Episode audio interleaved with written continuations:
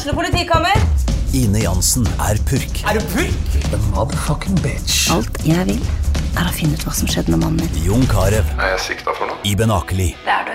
Ole So, Lars Berrum og Big Daddy Karsten. Hvem sin side er du på, egentlig? Anette Hoff, Tone Danielsen, Kommer du fra Afrika? Jørnis Josef, Nesten. Kløfta. Trond Espen Seim, Det er synd å si det, men det var feil mann som døde. Purk. Premiere tirsdag på TV2 Play.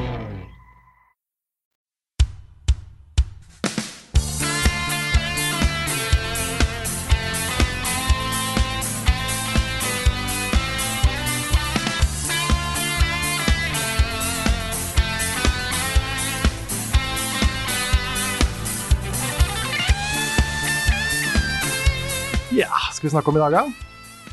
Jeg vet ikke. Jeg vet ikke. Nei? Nei. Det er ikke så mye som har skjedd i det siste. Nei, så mange nye spill vi har spilt. Nei, ingenting. Han spiller litt Nei. Horizon. Ja, Frida har spilt Horizon. Ja, Wordle, da. Wordle en gang i døgnet. Ja. Nerdle. Nerdle er bra. Nerdle er kjempebra. Kos meg med det. Mhm. Ja. Kommet en uh, Kingdom Hearts 3 randomizer som jeg så vidt har testa litt. Det var gøy. ja, jeg så også klokka fire eh, i går, 16.00 i går, så kom det en pressemelding om soundtracket til eh, WWE eh, 2K22. Aha, Ja. stilig. Det er Jeg spennende. synes- Kanskje, jeg så- kanskje noe for ukens hotteste. Ja, Mm, det- Jeg så soundtracket til Persona Strikers og Royal og var ute på, på Spotify nå. Ja. Mm. Ja, det blir vel en kort podkast, det, da. Ja. Droppa de fleste spaltene, tror jeg. er like greit. Og så har vi spilt Elden Ring. Vi har spilt Elden Ring. Å, vi har spilt Elden Ring, altså. Vi har det er spilt Elden Ring. Helt, helt vilt. Altså. Jeg ligger jo langt foran deg i løypa, Carl. Ja, du gjør det. Du fikk det jo nesten en uke før meg. Ja, men jeg, det er sånn at jeg, jeg gleder meg sånn til du skal oppleve de tingene jeg har vært igjennom. Det er liksom den følelsen. Og i dag fikk Svendsen og Nick også kode. Ja, for nå kommer jeg til å få den følelsen med de. Ikke sant? Så bare at du gleder deg til jeg eh, skal starte det på fredag. Ja, altså når du får det, Frida, så kommer alle vi andre til å bare sitte der og så Nå skal Frida komme dit, og nå skal vi Nei, Det er en veldig spesiell følelse, altså. Og det er eh, Jeg visste det. jeg visste det Sperrefristen på anmeldelse var klokka fire i går, da, på onsdag. Dette kom til å bli, bli et av tidenes eh, høyest scora spill, altså. Ja, når er, Jeg bare- sist, når er sist et spill fikk 97 på Metacritic? Eh, Odyssey. Eh, Mario Odyssey. Mario Odyssey, ja. Ja, Er ikke Red Dead Redemption 2 oppi der også, eller er det 96, kanskje? Eller 95, eller noe sånt? Kan godt være. Kan ta og sjekke. Mitt er Men uansett, da. Altså, dette, dette er Kvaliteten av dette spillet er litt sånn udiskutable. Vi trenger ikke å snakke så mye om det nå, for vi skal straks snakke mer om det. Men, men det er uten tvil, dette her preger Dette her preger hverdagen vår veldig mye akkurat nå. ja. Av Altså, naturlige grunner. det er kjempehyggelig og kjempegøy å lage podkast, men det er ingenting jeg vil mer enn å bare sette meg ned og spille Elden Ring nå. Ja, dette er to timer eh, som eh, vi kunne ha spilt Elden Ring, Karl. Det er det, altså. Det er det. Men eh, nei, som, som du sa, da, så fikk jo du fikk det tidligere enn meg, så din anmeldelse ligger ute på NRK. Ja. Eh, min anmeldelse fins jo ikke ennå, fordi jeg fikk det på eh, mandag ettermiddag. Ja. Så jeg har ikke spilt det mer enn noen dager, og det er et svært spill. Å ja. Pluss at jeg har tenkt å inkorporere Svendsen og kanskje Nick og litt flere fra redaksjonen i videoen. Så den, -huh. den er fortsatt et stykke unna, bare så folk er klar over det. Ja. Jeg har lyst til å bare øh, nevne også hvor stort det faktisk er, da, fordi jeg nærmer meg sånn Det er rundt 75 timer nå. Og jeg vet det er masse. Det er masse igjen. Jeg kan se ting på kartet som jeg ikke har vært på ennå, som jeg ikke har øh, vet hvordan jeg kommer meg til. Jeg vet det er bosser som har blitt nevnt av MPC-er, som jeg ikke har funnet ennå. Og det er svære ting, altså svære ting, som, som jeg bare ikke har gjort ennå. Og jeg, jeg tipper at dette er en sånn type 100, 120, 130, 150 timers spill, altså. Uh, hvis du skal gjøre alt. Og det er helt crazy. Det er helt crazy hvor stort det er. Jeg kjenner jeg blir litt sånn stressa på, på lengden. Eh, Ja. For min egen del. Ja. Jeg, jeg, må, jeg gjør det. Ja, for nå tenker jeg sånn Uansett så er jeg ikke først, så jeg har lyst til å være grundig. Ja. Så um, ja, jeg blir nok sittende med det spillet her en stund, altså. Men vi skal snakke mer om Elden Ring. Dette blir en veldig Elden Ring-prega podkast. Jeg Ja, tror det er gjør det. ingen som er overraska over det. Eh, men Nei. vi kan ta og snakke om noen andre ting som er litt eh, stort og viktig for oss. Og det er jo Ja. eh, søknadsprosessen eh, for å få nye anmeldere. Hvor er det vi ligger an der, Rune? Altså, vi har jo gått gjennom Det var rundt 220, jeg trodde det var 230, men det er noen som har sendt flere ganger, og noen spørsmål fra samme personer som hadde havna i samme innboks og den type ting. Så rundt 220 søknader, og det er vilt mange søknader. Ja. Og det er veldig, veldig hyggelig eh, at folk har lyst til å jobbe med oss. Eh, og ikke minst har også nivået vært sjukt høyt. Mange gode søknader, eh, og mange som kunne ha gått inn i disse rollene som anmelder hos oss og gjort en veldig, veldig god jobb. Eh, Det betyr også at konkurransen har vært veldig hard, da, så vi har valgt ut nå eh, 16 søkere eh, som det står mellom til disse anmelderposisjonene innenfor da sport eh, generelt, eh, hardcore på PC eh, og Early Access. Eh, Pluss at vi har tatt kontakt med noen av de som har kommet med pitcher på nye konsepter og den type ting til oss, som vi har lyst til å snakke mer om. Så det er det altså da 16 eh, eh, personer det står mellom, og vi har nå gått i tenkeboksen, hver for oss, for å komme med liksom det vi mener er våre favoritter, og så skal vi sette oss ned og diskutere det. Og så kommer jo Elden Ring midt oppi dette her, Ja. og utsatte prosessen bitte litt, så vi ber da de som har søkt, og som hører på podkasten, og som har fått positivt svar, uh, om å smøre seg med litt tålmodighet. Um, og det må jeg få sagt også. Jeg har svart absolutt alle som har søkt. Enten om det er avslag eller om det er videre. Så alle har fått et, eh, et svar. Eh, Jeg har åpna opp for muligheten til, eh, når ting roer seg ned, å kunne liksom gi et litt mer konkret uh, svar på søknaden, og så en tilbakemelding på eh, forbedringspotensialet, den type ting. Eh, og har samla det i en egen innboks i e-posten. Så en, en dag jeg har tid, det også kommer til å ta, ta ganske lang tid, altså. Men uh, jeg har lyst til å gjøre det som et tilbud til folk, da. Ja, og bare for å ha nevnt det også, så det var jo såpass mange søkere, og såpass mange utrolig imponerende søkere, Ja, fy at hvis du fikk avslag, så betyr ikke det at det du leverte var dårlig. Nei. Nei, langt For det ifra. var, det var så mye bra. Virkelig, Mm. liksom. Og det sier vi ikke bare for å være høflig eller hyggelig eller whatever. Det var virkelig mange gode videoer, altså. Det var det. Jeg er glad Så jeg søkte da jeg gjorde det. Men dette er jo, det, altså vi kommer til å få noen nye kolleger, kolleger nå. Mm. Og jeg vet at også i den bunken på 16, da, alle de har lyst til å jobbe med. ikke sant? Og det er øh, en god følelse. Skikkelig god følelse. Mm. Og så må vi, øh, må vi, vi må ikke, men jeg har lyst til å nevne at uh, nye kontoret vårt er i ferd med å falle på plass. Jeg gleder meg så mye til vi får alle tinga. I Ja, dag nå har vi best... fikk han Hæ? dør. Ja, vi fikk dør i dag. Hei! uh, og vi har bestilt øh, studiolamper for uh, 100 000 kroner. Å, fy fader. Det er så mange lamper som lyssetter liksom mange forskjellige eh, scener da, i rommet. Ja. Pluss en svær green screen som vi kan rulle ned fra taket og litt sånne ting. Hver vegg er et studio. Ja. Og så har vi inngått altså. også en, en sponsoravtale med Komplett, som vi er superhappy for, på utstyr. Og det er sjukt mye penger vi sparer på det. Vi eh, kommer til å kjøpe inn ting, men vi får ville rabatter og også en god del gratis. Så der eh, kommer vi med detaljer da, om hva eh, Komplett skal få tilbake for det, men vi er veldig veldig fornøyd med den avtalen og setter stor pris på den. Så, Litt sånn blast from the past å ha komplett som eh, delvis sponsor igjen. Ja, det er kjempebra. Så, så vi har jo da fire PC på vei. Åtte skjermer, fire skrivebord, fire kontorstoler, eh, tastatur, mus, lamper, Shure-mikrofoner, de der SMB7 som alle bruker i podkast, eh, med arm, osv. osv. Det er helt vilt mye utstyr på vei nå, liksom. Det er bestilt og det er på vei, så nå er vi snart i gang, folkens. Dette er liksom level up versjon 3.0.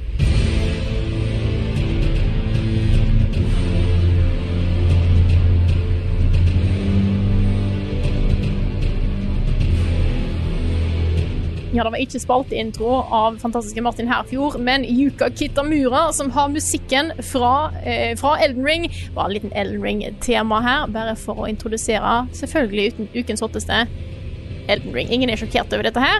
Jeg bare gir dere ordet, jeg tror jeg vær så god. Altså, jeg bare nevne først da, altså det soundtracket det spillet her, og Yuka Kitamura, det hun har gjort her. Hun har jo også lagd musikken til Dark Souls 3 og Sekiro og litt av Bloodborne. Er så utrolig bra, altså. Ja. Eh, så jeg, jeg ville gjerne starte med det. Sette litt stemninga for, eh, for den praten her. Dette er liksom FromSoft-sounden. Det er den, Ja. den derre storslagne, overepiske greia som bare Ja. funker så sykt bra. Du vet at når det, Ja. når det koret starter, og når den musikken begynner, så er det der boss. Ja, Nå skal du dø! Ja. Ja, det er den herlige memen om at Å, jeg hører musikk. Ja. Og det er noen som begynner å synge, og de synger på latin. Ja, Er det orgel? orgel. ja, ja, ja. Nei, også øh, Dette er jo ikke bare ukens hotteste, det er månedens hotteste, årets hotteste. Kanskje. Eh, kanskje, Kanskje. tiårets hotteste. Og så Jeg kan ikke huske å ha gleda meg mer til noe spill noen gang enn det jeg har gjort til Ellen Ring. Uh, ikke bare fordi jeg er glad i FromSoft, men fordi det de har prøvd å få til her, altså den der koblingen eh, med da sitt DNA, altså eh, Dark Souls, med da åpen verden og Skyrim og Witcher 3 og Breath of the Wild, på en måte, er liksom akkurat det jeg ville ha. ikke sant? Og hvis det ble bra, så kom det til å bli fantastisk. Og så er det jo det, da. Det er så fantastisk. Jeg er helt i ekstase over dette her, altså. Jeg må bare, Før vi setter ordentlig i gang her, eh, så vil jeg bare si til dere som hører på, eh, vi skal ikke spoile noe her i dag. Nei. Eh, Nei. Det er veldig viktig for oss. Eh, så dette blir en generell betraktning. Eh, noen Ja. vil jo selvfølgelig holde seg 100 unna. Da har jeg full forståelse for. Da har dere sikkert allerede skrudd av. Eh, og det godtar jeg.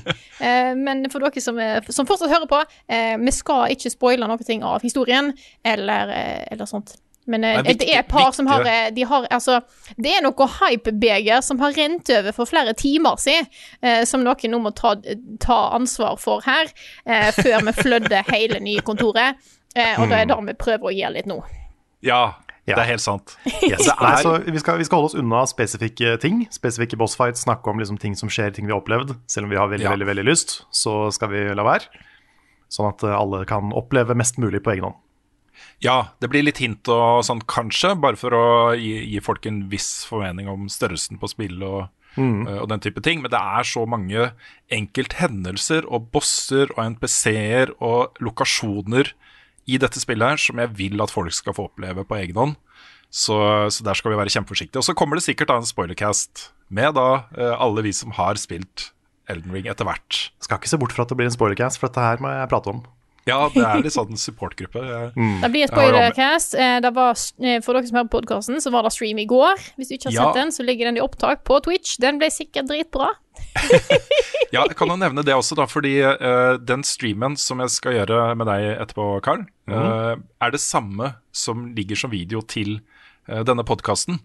og det er jeg, jeg så anmeldelsen til Gamer, eh, hvor han nevnte, da, han anmelderen, at eh, det tok han ti timer eller noe sånt før han fikk hesten. Oi. Uh, og han hadde liksom de første ti timene av det spillet uh, likte han det ikke. Han, altså han var, syntes det var uh, Han forsto det på en måte ikke helt. da Og det er litt sånn Eldring er bygd opp. Hvis du ikke går til riktig sted til riktig tid da i starten, så vil du kunne oppleve å være skikkelig forvirra. Så jeg har lagd en slags guide da, til folk. En myk innføring i Eldring. Jeg viser folk hvordan de skal få tak i et bra skjold, bra våpen, uh, levele opp hesten, eh, den type ting. Sånn at man er godt rusta til Ja, du- uh, alle, alle utfordringene som venter. Du skal til og med starte som Naked Boy, skal du ikke det? Jeg skal det, og det er litt, jeg angrer litt på at jeg ikke gjorde det uh, i første playthrough selv. Fordi Ja, du jeg ja, på level 1, Mm. Og så har du jevnt fordelt 10 i stats på alt. Så du starter ganske, det er et veldig bra utgangspunkt, og det er billig å levele de første levelene, så du kommer deg fort. da. Så da starter du som Naked Boy er lurt? Ja, Er det det er, veldig lurt. Det er, veldig, det er jo selvfølgelig vanskelig, da, for du har ikke noe skjold, f.eks. Uh, Uh, og du må være ganske forsiktig. Men det tar ikke så lang tid før du får ditt første våpen og ditt første skjold, og så begynner du å få armor og blir mye mye sterkere. Uh, og da har du utrolig mange gratis levels da, å levele f.eks. strength. Hvis du er glad i strength og har lyst på et bra strength-våpen, um, så er det veien da fra level 10 til level 16 eller 20 er ganske kort. da. Uh, så, så det å starte som naked boy eller girl eh, kan jeg anbefale. Eller begge deler. Du kan eh, mikse og matche kropper her. ja, Det kan du. Så mm. Men jeg ville kanskje ikke anbefalt å gå for eh, Naked Person først, hvis du aldri har spilt et FromSoft-spill før. For da får Nei, du en sant. veldig sånn vegg. Uh, så kanskje da burde du gå for en Night eller noe sånt.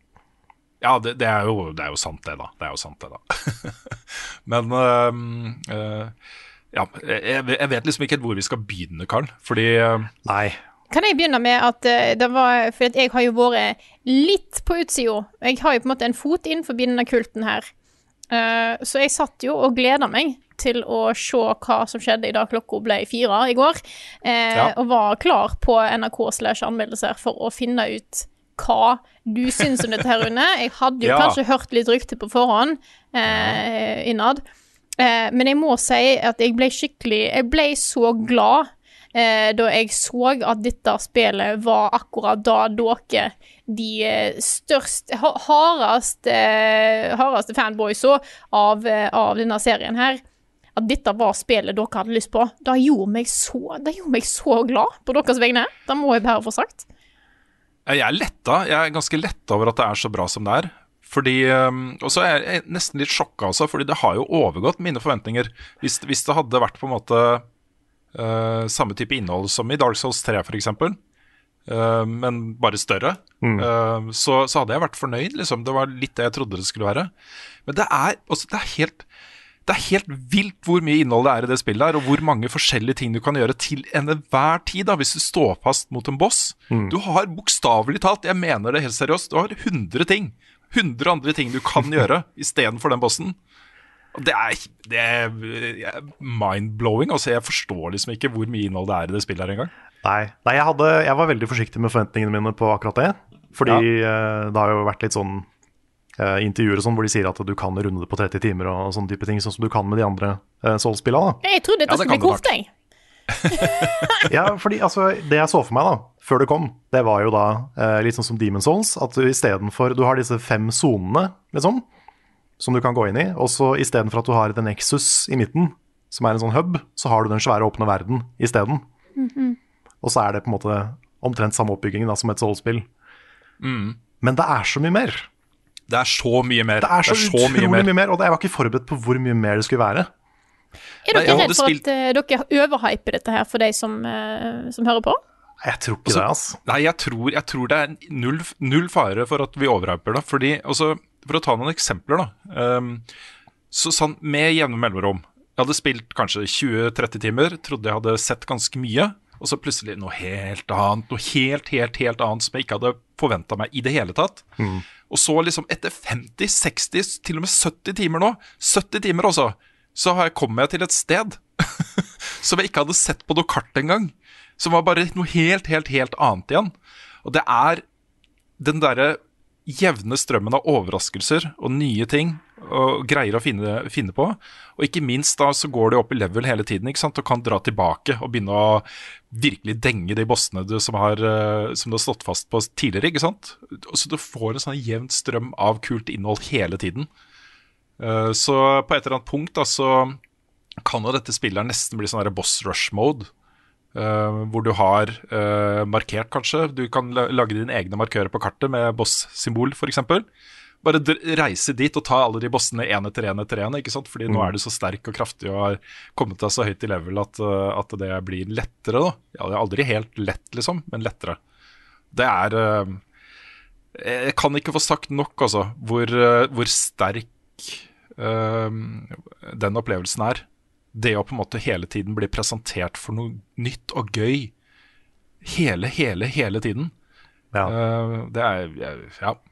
Souls har jo, eh, og Formsår-spillere har jo en stund nå vært en slags sånn nisjeting i en del år. sant? Det var jo en liten, hard kjerne som, som, som spilte dette her, og så har det jo tatt mer og mer av og blitt mer og mer eh, blitt, mer og mer stort, da.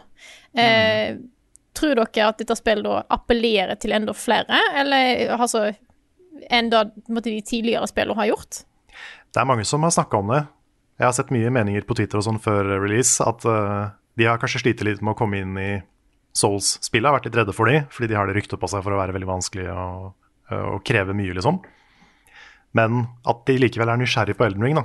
Kanskje pga. den der store, åpne verden, pga. Liksom Breath of the Wild-tilnærmingen som, som de har. Ja. For det er mye mer Breath of the Wild, syns jeg, enn det er Skyrim og Witcher. Ja, ja, ja. Breath okay. of the Wild øh, Grunnen til at vi sier det, er at dette er en verden du i veldig, veldig veldig stor grad må utforske selv og oppdage selv. Det er ikke noen ikoner, du har ikke noe Quest-logg eller noen sånne ting, liksom. Du må rett og slett bare finne ut av ting på egen hånd. Eh, og Det er for så vidt også en, en ting folk bør være klar over. da Jeg ser eh, Jason Schreier på Twitter det har jo vært en kjempediskusjon nå. Ja. Fordi han sa det. Han satt og hadde en notatbok og førte en logg da på hva han møtte og hva han skulle huske på. Det vil jeg anbefale folk å gjøre, rett og slett. Fordi det er ikke noe i spillet, eh, i hvert fall veldig lite i spillet, som forteller deg nøyaktig hvor du skal gå og hva du skal gjøre der. Men er det fordi det er, altså, Quests er gjort på samme måte som de har gjort i tidligere Souls, der du ikke egentlig får Ja. med deg at det er en Quest? Ja, fordi det er ikke tradisjonelle quester i det spillet her. Det er, du har liksom main-questen, som er å eh, restore the Elden Ring, liksom. Ja, Become the Elden Lord. Become the Elden Lord, det er det er alt du det. trenger av info til den. Litt sånn som i Breath of the Wild, sånn defeat Ganon, liksom. Ja. Eh, og det er det du på en måte får vite at du skal gjøre. Eh, Ellers så Alt i spillet er ting du bare tilfeldig snubler over. Ja. Og det er, det er sånn det alltid har vært i FromSoft-spill, også sånn det er i Hollow Knight f.eks. Det er ikke noe sånn, du har ikke noen sånne quester med tekst du skal følge. Det er ingenting sånt. Det er bare du oppdager ting. Du finner, ut, du finner en person, og kanskje det er noe du kan gjøre med den personen. Kanskje hvis du har et item, så kan du få noe ut av å snakke med dem. Men du vet aldri. Nei. Så hver gang det skjer noe, så er det du som har oppdaga det, på en måte. Og det liker jeg Jeg veldig godt. Ja, jeg kan anbefale altså, Du møtte noen, noen kjøpmenn Ja. overalt, liksom. De er eh, ganske mange steder, og de har sånne eh, notes og noen ganger skattekart og litt sånne ting, liksom. Der får du noen ganske gode hint også, til kule historieopplevelser du kan få, og kule MPC-er du kan møte og den type ting. Så det anbefaler jeg folk å gjøre. Hvis du vil ha noen litt flere konkrete mål, da, så, så får du mye gode tips av de eh, notesa der. Uh, og så vil jeg også anbefale folk å høre godt etter når du snakker med NPC-er. Um, de kommer med både navn på steder og personer og eh, retninger på kart og den type ting, hvor det er ting. Eh, så, så hvis du følger, følger godt med, da, så vil du bli nudga i, i riktig retning. Men det er litt sånn jeg ser for meg Miyazaki sitte der liksom bare sånn Ja, kan jo dra den veien, se om det skjer noe gøy. det, er, det er litt sånn det føles, da. Ja. Ikke sant? Ja. Men eh, et lite tips til alle som skal starte, som jeg skulle ønske jeg visste da jeg begynte, fordi jeg hadde ganske uh, lav Altså, jeg fikk ganske lite healing hver gang jeg brukte healing i spillet. Så eh, mitt tips der finn kirker. Find Jesus, rett og slett. Fordi, fordi kirker er OP i Elden Ring. Jeg tror ikke det er Jesus i det universet. Nei, det er ikke, det er ikke Jesus, det er vel, det er vel America. Ja. Ma Marika, ikke America. Men, Nei, der lurte jeg litt på hva du sa, egentlig. Det var... ja.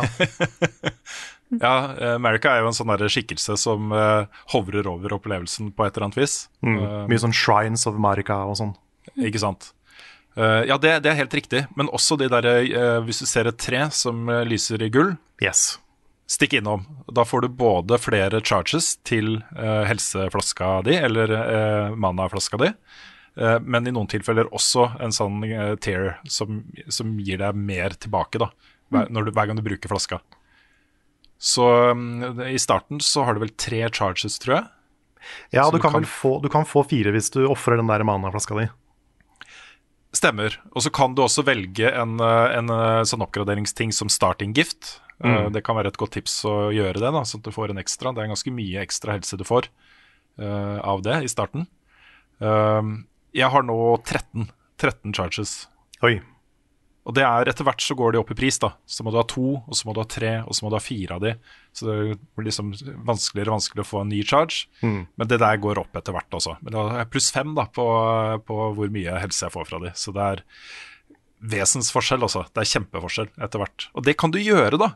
Det vil jeg si, altså. Ikke bare på eh, Egentlig på alt. Så kan du kan sette deg på hesten, og så kan du bare ri rundt og unngå fiender. Plukke opp items. Finne de der gylne trærne. Plukke opp kart. da Det er et kart for hvert område. Som det, er det er markert på tingen kartet. Det er den ene tingen du kan se på kartet før du finner det. Det er hvor de Nettopp. der mapmarkerne er. Ja, det er en sånn liten, eh, liten sånn pilar som er markert på kartet. Så hvis du ser en sånn liten pilar markert på kartet, så er det der. Der finner du et kart for hele området, og så bretter det seg ut. ikke sant? Med, du kan se bygninger, men du vet ikke hva de er. da. Det står jo ikke noe navn på bygningen eller noe sånt. Du må besøke de for å finne ut hva det er for noe. Eh, Så, så det kan du gjøre, og du kan komme deg sjukt langt. Og jeg oppdaga til og med, til og med, jeg har ikke testa det ut, men jeg tror det, så kan du uh, snike deg forbi den første halvguden du skal slåss mot, inni det første slottet, liksom, for å komme deg til neste område. Jeg tror det er en sånn vei du kan gå rundt det slottet. uh, bare du litt, uh, ser deg litt godt om. Så du kan være på utrolig mange steder på dette kartet. her, Bare ri rundt og plukke opp helseoppgraderinger, finne våpen, eh, finne um, alt mulig rart. da, eh, Items du trenger osv. Uten å slåss i det hele tatt. Nesten litt kult å ta til sånn eh, pasifist-run i Ja. Elden Ring. Mm. Se hvor langt du kommer. det. Ja, Ja, ja. IFA kommer til å gjøre det. Men jeg føler jo altså Ja, nei, beklager. Fortsett. Det er, nei, jeg, Ja, jeg skulle bare si at jeg synes, eh, Det virker som at det er så mye hype rundt dette spillet nå, ut ifra uansett hvor jeg er på internett, at, eh, at eh, FromSoft-spill har blitt en veldig mye større ting enn bare en nisjesjanger. Virker det sånn. dette har blitt på en måte den nye kongen av Triple A, føler jeg nå. Det var spesifikt Elden Ring, da. Fordi Sekiro også var Det var stort, men det var også ganske sånn Du måtte være glad i sånne typer spill for å fikse Sekiro. ja. Eh, og det gjelder jo for så vidt også Dark Souls 2 og 3. Men det er noe med Elden Ring som er, det er mer tilgjengelig, fordi det er så åpent. Du har så mye mer du kan gjøre uh, uten å møte en vegg. Så eh, jeg tror det spillet her kan appellere til mange flere. Altså. Og det, jeg tror også at hvis du får den litt mykere in uh, inngangen i spillet, så vil du kanskje også etter hvert sette pris på den utfordringsbiten. Fordi det er Jeg føler jeg sier dette hver gang vi snakker om solspill, Soul-spill, men det er det ryktet om at du må være så utrolig god gamer. Du må være så hashtag ekte gamer for å få til Souls. Og det er ikke sant. Fordi det handler bare om å være tålmodig. Det handler om å lære uh, movesets. Det handler om å um, bruke de uh, midlene du har. Det handler om å lære seg spillet, rett og slett. Og det, det kan, hvis du har normal motorikk og alle de tingene der, så, så får du det til, altså. Ja, dette er jo på en måte den ene egentlig sånn kritikkpunktet man uh, legitimt uh, kan ha mot akkurat det. Da. Det er jo at det er en bølge nå i spillmediet på det å gjøre spill mer tilgjengelige for folk med funksjonsnedsettelser. Og det, det har jo ikke dette spillet her i det hele tatt, noen sånne hjelpemidler. Det er sant. Um, og det er Jeg prinsipielt syns jo ikke det jeg syns jo ikke det er bra. Men rent personlig, for meg som gamer, å vite at det er bare én vanskelighetsgrad Jeg kan ikke sette ned vanskelighetsgraden hvis jeg står fast. For da hadde jeg gjort det. Jeg hadde gjort det, jeg hadde ikke klart. Hadde? Jeg hadde ikke, ja, jeg hadde ikke klart å øh, la være, rett og slett. Så um, jeg, jeg også sitter, sitter der og banner og slenger, slenger ikke kontrolleren, men jeg har lyst til å gjøre det. Eh, etter å dø liksom 20 ganger mot samme boss og sånne ting. Jeg gjør jo det, jeg også. Jeg er ikke noen sånn supergamer, jeg, altså. Men Nei. jeg får det til til slutt. Ja, det er noe med det. Det er, det er den derre ikke gi opp, liksom. ja. Bare prøv til du får det til, og så får du den der mestringsfølelsen som er så digg. Og det er den, den som på en måte gjør at man blir så gira. Da. Men uh, jeg tenker sånn akkurat når det kommer til det med tilgjengelighet og sånn, så føler jeg at en gyllen middelvei hadde vært en sånn accessibility-meny, sånn som Ja. uh, Celeste har. Ja. For der er det tydelig at liksom, dette er opplevelsen vi vil du skal ha. ja. Hvis du trenger accessibility settings, kan du sette det på. Og da får du beskjed om det i starten av spillet. Og det, sånn syns jeg på en måte alle spill hadde hatt godt av. Ja.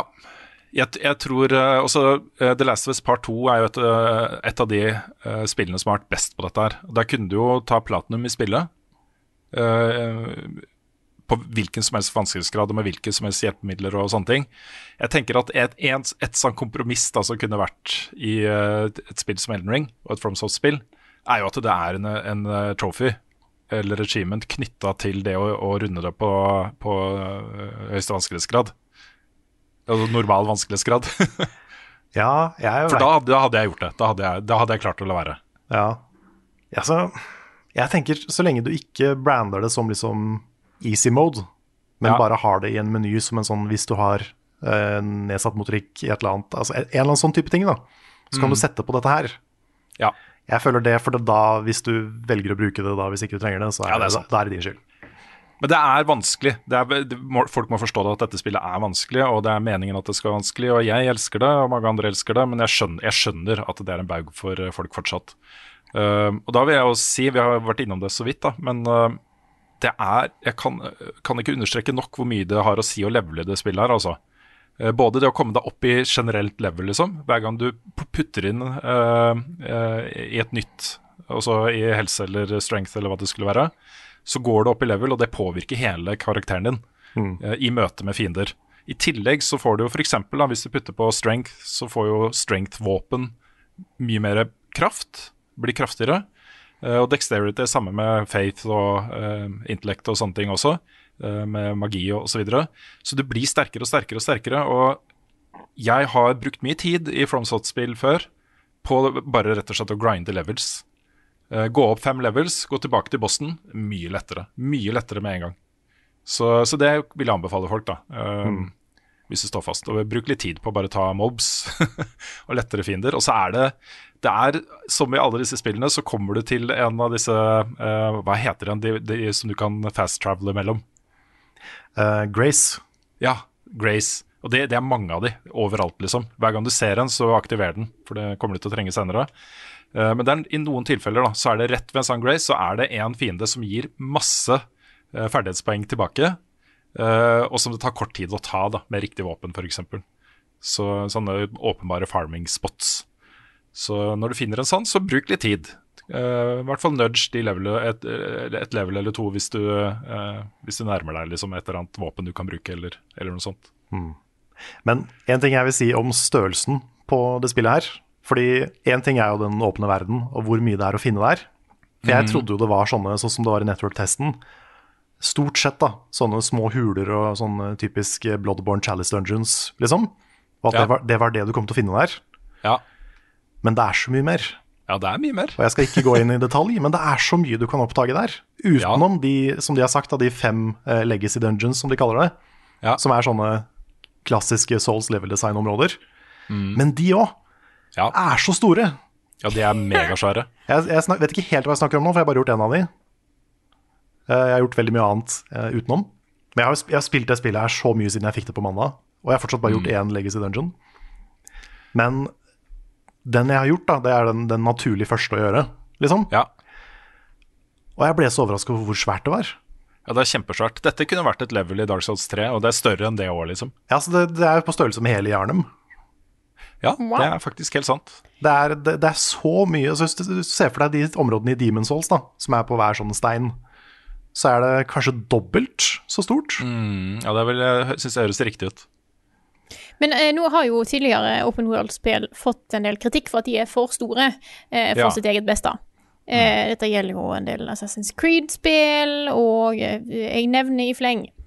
Eh, men i hvert fall eh, Nå høres det ut som at dette her er nok en gigant i sånn 70-100 timersklassen. Eh, er det bare positivt, holdt jeg på å si? Eller? Ja, størrelsen syns jeg er bare positivt. Og okay. det, er jo, det, det handler jo mye om hvordan denne verden er bygd opp. Det er jo for eksempel da, noen fiender som bare kommer ut, og bosser som bare kommer ut på natta. Um, så, så hva du opplever i et område, kan være avhengig av når på døgnet det er, f.eks. Det er puzzles du kan løse for å få tilgang til, eh, til eh, noen av disse bygningene. Og de har gjerne ganske fete rewards da, i de kistene du finner der inne. Um, det er masse, det er masse, masse masse sånne ting. Og jeg har også, som sagt, jeg spilt i, i godt over 70 timer. Og alle de områdene jeg har vært i før, det er mye der jeg ikke har gjort ennå, altså. Um, og så oppdager du uh, nye ting etter hvert som er sånn Å, ja, det skulle jeg gjort. For eksempel, da. Dette er en liten spoiler. Jeg vil at folk skal vite om det. Okay. Men du får en mulighet et godt stykke ut i spillet til å endre på statsa dine hvis du gjør noe feil. Ja, nice. Sånn at hvis du har lagt inn altfor mye ferdighetspoeng inn i strength f.eks., og har lyst på en, en magibild, så uh, kan du gjøre det. Um, Og den andre spoileren jeg vil si til akkurat det, når det kommer et stykke ut i spillet, og sånn, da snakker vi type nesten endgame-type ting, så er det et sted hvor du kan få mange av de tingene du trenger for å endre stats. Så det betyr at når du kommer til endgame, så kan du begynne å eksperimentere med builds. Altså Du kan bygge om hele karakterene til å bli en, en magibruker, eh, eh, eller strength-bruker, eller dexterity, eller hva du vil. da Og leke, liksom, i den verden her. Og det er kjempekult også. Det skal jeg kanskje gjøre, fordi jeg, går, jeg har gått ganske hardt inn i strength nå. Ja, Men det er så mye kul magi som jeg har lyst til å prøve. Det er Så kjempekult. Jeg vurderer å gå for en Dex Magic, altså.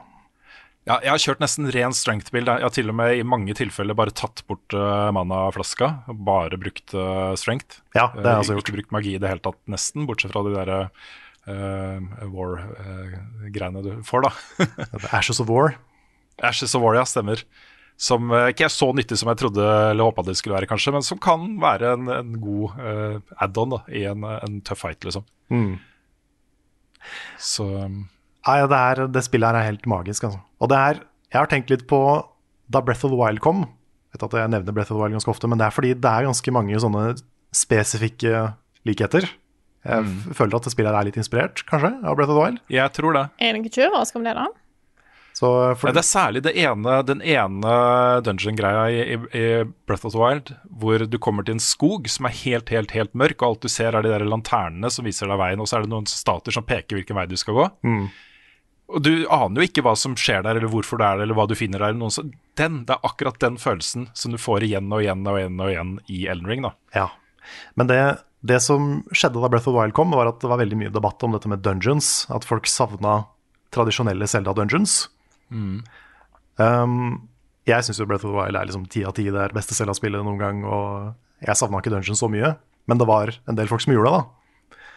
Og så kommer det spillet her, som er på en måte Det er både et svært åpen verdensspill og et tradisjonelt Soul-spill samtidig.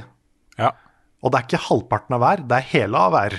ja det er hele av hver. Så du får liksom Du får begge deler, og det er så svært, og det er så mye. Og det er ikke sånn at du må gjøre alt. Du, det er ikke sånn, det er ikke noe, du har ikke noe insentiv for å liksom Hva er ordet jeg ser etter? Bare, bare luke deg gjennom kartet på liksom mikronivå for å finne absolutt alt. Det er ikke sånn du nødvendigvis trenger å spille det. Så Det var du, ikke sånn du, jeg spilte det. du gjør jo det du vil, liksom. Ja. Og så kommer du til de Legacy Dungeon-områdene som er mer tradisjonelle Souls-områder. da Hvor du får den følelsen av eh, Dark Souls 3 og eh, Bloodborne og, og sånn. Ja, du kjemper deg gjennom et supervanskelig område uh, på hengende håret, liksom. Du har brukt din siste helseflaske, bare litt igjen, og så ser du en snarvei, en heis, som tar deg tilbake til, eh, til lagringspunktet, og du kan liksom fortsette fra der da neste gang. Ja. Bare ah, Yes! Så det, det spillet her føles ut Det føles som Breath of the Wild, som også har dungeons, ja, på en det er måte. sant. Det er, en det, er, det er liksom det perfekte spillet, sånn sett. Ja. Det er, det er, helt, er- det er helt vilt. ja.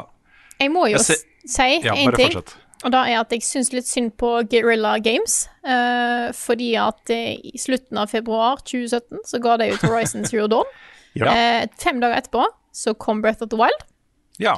Eh, og i år så kom da eh, Forbidden West. Og sju dager etterpå så kommer Elden Ring. Eh, Det har jo gått bra, det har jo gått bra med, med eh, Zero Dawn. Da. at Det er Ja, solgt ja, ja. 20 millioner eksemplarer. Det er Ja bra, det. Ja. Eh, det var noen som sa at det var dobbelt så mye som alle Dark Souls-spillene til sammen. Ja, jeg tror de, jeg tror de selger bra. Det, det ja, tror jeg. jeg tviler jo ikke på det. Jeg tror det bare er på en måte de hadde sikkert eh, eh, Jeg tror ikke de var happy da Elden Ring ble utsatt til uka etter deres lanseringsdato. Nei. Men jeg, har, jeg, må, jeg må si da at, eh, at nå Nå vil jeg ikke ha flere sånne checkpoint-basert point basert, eh, sånn checkbox-baserte åpen verden-spill. da må det gjøres på en eh, litt mer eh, smart måte enn det gjøres i f.eks. Forbidden West. Som er liksom bare en endeløs rekke med main quests og side quests som hakes av når du er ferdig med de, og gå dit, gjør det. Dette er veien, liksom. Dette er veien. Her skal du, dette skal du gjøre. Her, hele tiden, liksom. Eh, jeg, er så mye sterkere opplevelse, eh, og man føler seg så mye mer inkludert i en virtuell verden når eh, dette oppdages selv, da. Når, du, når det er du som på en måte lager den eh, Quest-rekka. Ja. Jeg er så mye mer fan av når spill putter de ikonene på kartet etter at du har vært der, og ikke før. Ja. Fordi når du åpner et megastort map, og så ser du bare, bare sånne 40 sånne lysende flekker med hjemmelekser, liksom, det gir meg ikke så mye lenger. Det har egentlig aldri gitt meg så mye, men eh, når du har den der Elden Ring slash Breath of the Wild-tilnærminga, hvor du bare Kartet er helt tomt, for du vet ikke hva som er der. Men så etter hvert så vet du hva som er der. Og da fyller du det inn med det du oppdager, og det er så mye bedre. Ja, jeg vil anbefale folk å bruke den muligheten du har da, til å tagge ting på, på kartet. Um, det er masse forskjellige ikoner, og du kan ha inntil 100 av de samtidig. Så, og det er en go veldig god måte å bare ha en sånn huskeliste for deg selv. At her var det en boss, her var det eh, oppgraderingsmaterialer du trenger, osv. osv. Um, og Det, det, er veldig også Breath of the Wild ut. Det gjør da. det. Ikke sant? Jeg vil også nevne at det med oppgraderingsmaterialer er litt sånn kinkig, fordi um, også man, får, man finner jo ting hele tiden, men du trenger så mye av det Ja. uh, etter hvert. Og det å farme det er ikke så innmari lett. Men det er en del av disse grottene da, du finner, som er sånne uh, mines. Og hvis det er en mine, så er det oppgraderingsmaterialer der. Da Ja. er det smithing stones og uh, sombering smithing stones. Når du ser sånne, jeg vet ikke helt hva de er for noe, men sånne skapninger som driver og hakker i veggene, Ja, da har du kommet til riktig sted. da har du kommet til riktig sted. Og der vil du være. Ja, der vil du være. Jeg skal vise et av de stedene også på streamen eh, etterpå. Det er også i den videoen som går her. Så viser jeg den, eh, en av de første eh, av den type eh, grotter, da. Som du kan finne smithing stones. Så mm, ja. Jeg lurer på om vi skal begynne å runde av den spalten her. Ja, vi kan gjøre det. Vi, vi kommer bare- tilbake til masse mer. Vi har fått så mye spørsmål i tillegg, så jeg tenkte vi kan ta litt mer der. Men er det noen siste ting dere har lyst til å snakke om? Sånn kort. Ja. Ja. PC-versjonen er visst ikke helt tipp topp. Ennå. Uh, ennå. De, jeg håper de fikser det, men vi har jo også opplevd tidligere med FromSoft-spill at, eh, at uh, FPS-problemer og den type ting har vedvart over ganske lang tid, så jeg kan ikke garantere det. Men det har blitt sagt da, at eh, de jobber med saken, og at det skal da komme en dag én-patch, som muligens er ute nå, jeg er litt usikker, som eh, fikser det meste. Ja, jeg vil tippe de fikser det meste, fordi jeg fikk jo tidligkoda Dark Souls 3 på PC, eh, og det var sånn. Ja. Da, da var spe spesielt den sumpen i Dark Souls 3 var det sånn, den gikk i fem frames i sekundet. Så det var helt grusomt å komme seg gjennom, men så kom Day One-patchen, og så var det helt fiksa. Nettopp. Dere har testa det på PlayStation 5, begge to? Stemmer. stemmer. Og det var ja, så lite problemer også. Det er litt slowdowns innimellom, men eh, aldri, eh, at, det har aldri vært noe problem da, i det hele tatt. Så, så det vil jeg anbefale folk. Hvis du skal spille på PC, bare sjekk hva folk sier om uh, patchen og om ting er fiksa. Fordi jeg har blir litt sånn lei meg Jeg så anmeldelsen til Fighten Cowboy, som er jo min favoritt Souls-YouTuber. Um, og han, han ga jo Elden Ring 9 av 10 fordi han hadde hatt så store problemer. Han har slåss mot drager som plutselig hadde forsvunnet. Oh, var i ferd med å ta de, liksom, og så var de bare borte. Og opplevd masse sånne ting. Og det er ikke bra, altså. Nei, det er ikke noe kjekt. Så, um, Nei, sånne ting har jeg absolutt ikke opplevd i det hele tatt. Nei, ikke jeg heller. Og så vil jeg komme med et tips til. Og dette er et sånn nybegynnertips, det også, som jeg har brukt på alle FromSoft-spillene jeg har spilt. For jeg, dette er jo første spillet, FromSoft-spillet, som jeg har spilt før lansering. Uten at det fins mulighet til å søke opp uh, svar på noen ting. Men gjør det. Finn en build-guide eller en, en sånn nybegynnerguide som bare forteller deg hvordan magi funker, hvordan øh, øh, kampsystemet fungerer, øh, hva de forskjellige tingene du bør finne er. Og så, Vi har snakka litt om det, med sånn flaskeoppgraderinger og sånt. Bare se en sånn guide. Det er uvurderlig også i et øh, spill som dette er i starten, for det er helt nye spillere. Ja, men hvis du ikke er en helt ny spiller, hvis du har spilt en del FromSoft-spill før, så vil jeg anbefale Ja. det motsatte. Helt enig. Helt enig. Ikke, liksom, ikke les deg opp på guides, bare utforsk. Punktum. Ja, bare gjør Elden Ring til ditt univers. For Yes. det er en uh, så sterk opplevelse. Jeg brukte 30 timer før jeg tok min første halvgud. Uh, noen vil gjøre det på to. Eh, andre vil eh, k- kanskje aldri gjøre det. Og det er det som er litt gøy, fordi Svendsen kommer til å gjøre i kveld Han fikk jo spille i dag. ja. Han kommer til å gjøre ting i kveld som ikke jeg har gjort ennå. ja, det vil jeg tro. Men hvis du har spilt bare litt, litt Fromsoft, sånn som jeg Ja. Bare se den videoen her som går til podkasten er på Ja, YouTube. da, hvis du, hvis du ja. ser på Ja, ja. Det er eh, egentlig alt du trenger av sånn der, eh, grunnleggende informasjon om spillet. da. Gå dit og snakk med den personen og kjøp den tingen. Gå dit og snakk med greiene, og så får du hesten din. Gå dit, så får du et eh, fett strength-våpen. Eller så kan du, du kan se den streamen som vi skal ha i kveld. ja, Ja, det kan du også gjøre, men det er jo for seint, da. Det er for sent, for Eller du kan se den i opptak. Kan Ja, se den i opptak. Den ligger Det kan ute du. på Ja, det er sant. Mm. opptak. Slash har du spilt i det siste? Gjennom, jeg Denne uka tenkte jeg skulle starte med deg, Carl. Hva har du spilt i det siste? Nei, jeg har spilt et eh, spill som heter eh, Elden Ring. Ja, Oh, la oss snakke mer om Elden Ring. bra! Det er sykt bra! Neida, neida. Det, um, jeg har snakka masse om Elden Ring. Eh, noen andre kan få lov å starte. ja, da er det jo et annet spill som har kommet ut, som ligger nærme Rune sitt hjerte. Ja, Destiny 2, Witch Queen. ja, stemmer. Og jeg også OK. Jeg har spilt Destiny siden lansering. Sju og et halvt år. Og det er så lenge. Ja, Dette er første gang i Destinys historie som jeg ikke har sittet der klar klokka 18.00 på launch av en ny delelse for å spille det. Og det var jo rett og slett fordi det var dagen før sperrefrist på Elden Ring. Og jeg, var, jeg hadde verken lyst til eller mulighet til å gjøre noe annet enn å spille mer Elden Ring og bli ferdig med den anmeldelsen. Så jeg spilte rett og slett ikke eh, The Witch Queen på lanseringsdagen. Jeg er sjokkert. Det må jeg gi innrømme. Ja. det Men er, er det- helt utrolig. Er det litt befriende òg, på en måte? Jeg, vil heller, jeg vil heller si at eh, det er et testamente på hvor fuckings bra Elden Ring faktisk er. Ja. Og så, når, selv, når selv ikke Destiny 2 The Witch Queen, som er den expansion i dette universet her, som alle har gått og venta på, klarer å liksom rive meg vekk fra Elden Ring, da, da er det noe helt, helt spesielt, altså. Um, når det er sagt, da, så har jeg jo spilt uh, Witch Queen etterpå. Ikke mye uh, ennå, men jeg har spilt, begynt på historien, og den er megabra. Altså, det er i hvert fall uh, det jeg har spilt av den til nå. Best, det beste historiefortellinga som har vært i det spillet til nå, altså. Uh, hvor de tar litt utgangspunkt Altså, det første de viste fram fra Destiny, da ser du liksom uh, Guardians på uh, Mars, eller en astronaut på Mars. Og så finner de en sånn fra noe gammelt, et eller annet sånt. Og det starter med det, da. Den type følelse av exploration og, og avsløring av liksom noe, noe veldig sånn utenomjordisk. Um, og så fortsetter det i ganske sånn spektakulært vis, da. Så jeg er veldig, veldig fornøyd med campaignen.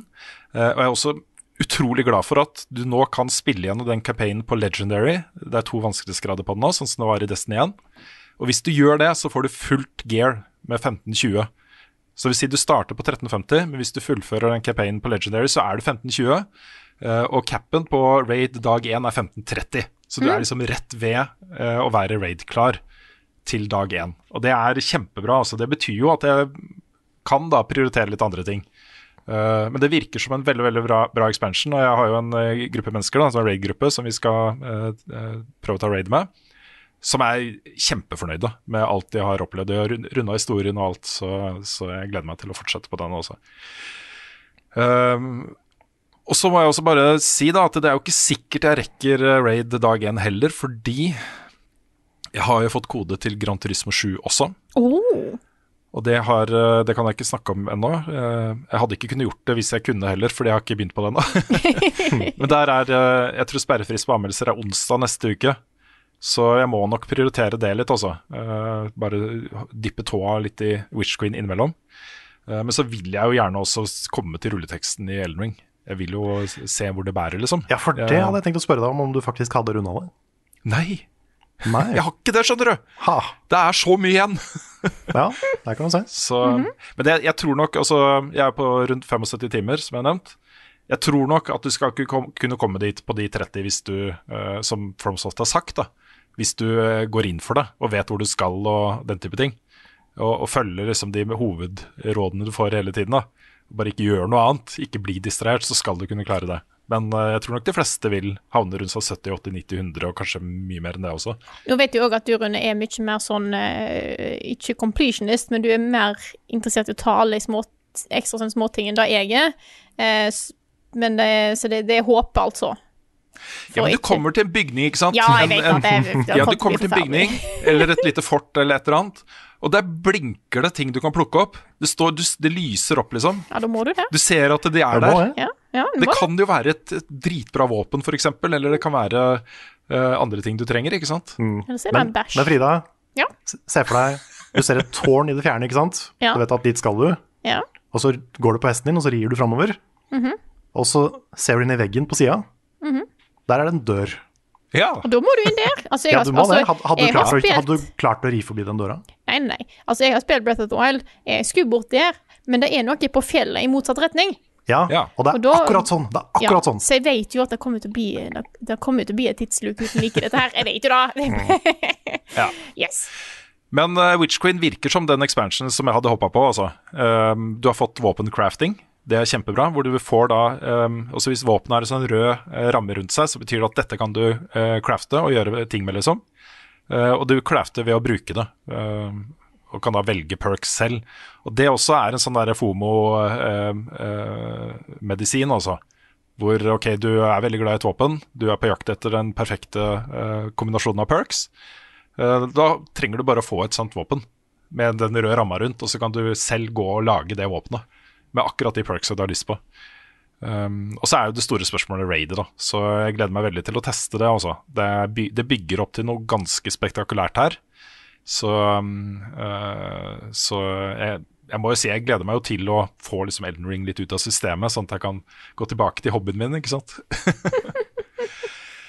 så jeg kommer tilbake da til med, med mer Destiny-prat etter hvert. Men jeg har også lyst til å nevne en annen ting som uh, gleda hjertet mitt så uh, enormt at jeg hadde lyst til å dele det med dere. Elden Ring. Ja, Elden Ring. Jeg har spilt det Nei. Men sønnen min, vet du hva han har gjort, eller? Han har helt på egen hånd, uten å få hjelp av pappa i det hele tatt, runda Spiderman Miles Morales. Oi! Hey. Ja, det er, jeg blir skikkelig imponert. Da. Bare fiksa hele greia liksom, på egen hånd. da På engelsk, liksom. Eller det er norsk tekst, da. Yeah. Men uh, bare fiksa hele greia. Og han har funnet katten og fiser rundt og gjør endgame-ting og sånt, han også. Ha. Sier han skal prøve å ta platinum. Nice. Hvor gammel er det samme igjen? Han er, han er ni, da. Ja, ja. Det spillet her har jo eh, egentlig 16-årsgrense, tror jeg. Ja, det, var- det var mer sånn at jeg eh, Jeg er overraska over hvor, eh, hvor lett han tok det. Det var vel mer det Ja, jeg og så tenkte. hø- Hør her da jeg spurte. Jeg spilte du på easy? Da spurte jeg. Nei, jeg må jo spille på normal. Det blir jo altfor lett på easy. Da blir det jo ikke noe, ikke noe utfordring. Jeg Lurer på om han har overhørt meg prate om uh, vanskelighetsgrader før, altså. Hashtag gamer, ass. Ja.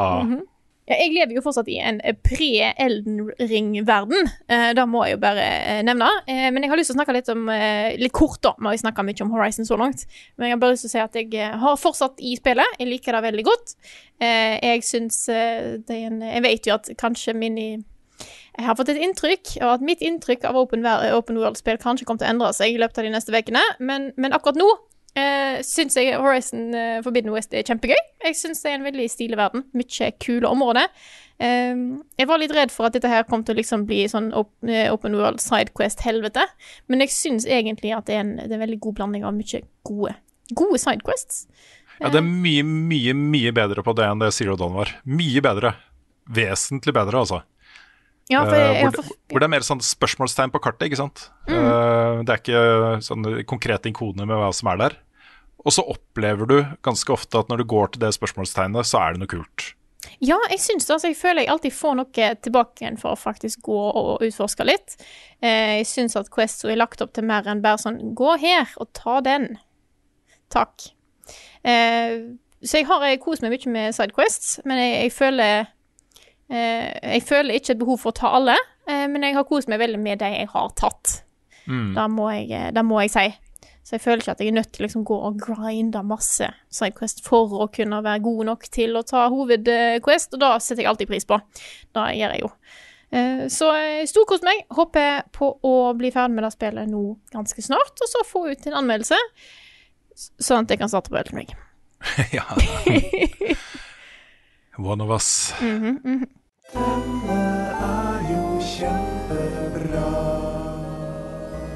Ukens anbefaling. Jeg har en ganske sjokkerende anbefaling eh, denne uka, vil jeg si. Eh, Jeg skal nemlig anbefale en podkast, og Er det en Elden Ring-podkast? Det er det er ikke en Elden Ring-podkast. Jeg holdt på å si dessverre. Em, jeg har jo nok en gang desinfisert hele leiligheten. Eh, drittlei, men da er det kjekt å ha litt eh, festlig ting å høre på. Eh, og jeg har nå funnet meg en podkast, og hold dere fast, folkens. Det er en sportspodkast. What? Ja. Jeg vet, What? jeg vet. Jeg vet, S-word? Det her er Jeg vet, det der er litt sjokkerende. Eh, men jeg har altså nå gått fra én skau til en annen. Eh, ikke, jeg har jo snakka tidligere om eh, Tingenes tilstand med Kristoffer Schou og eh, eh, Alexander, Alexander Santov. Dette er podkasten Stryknin og kaffe.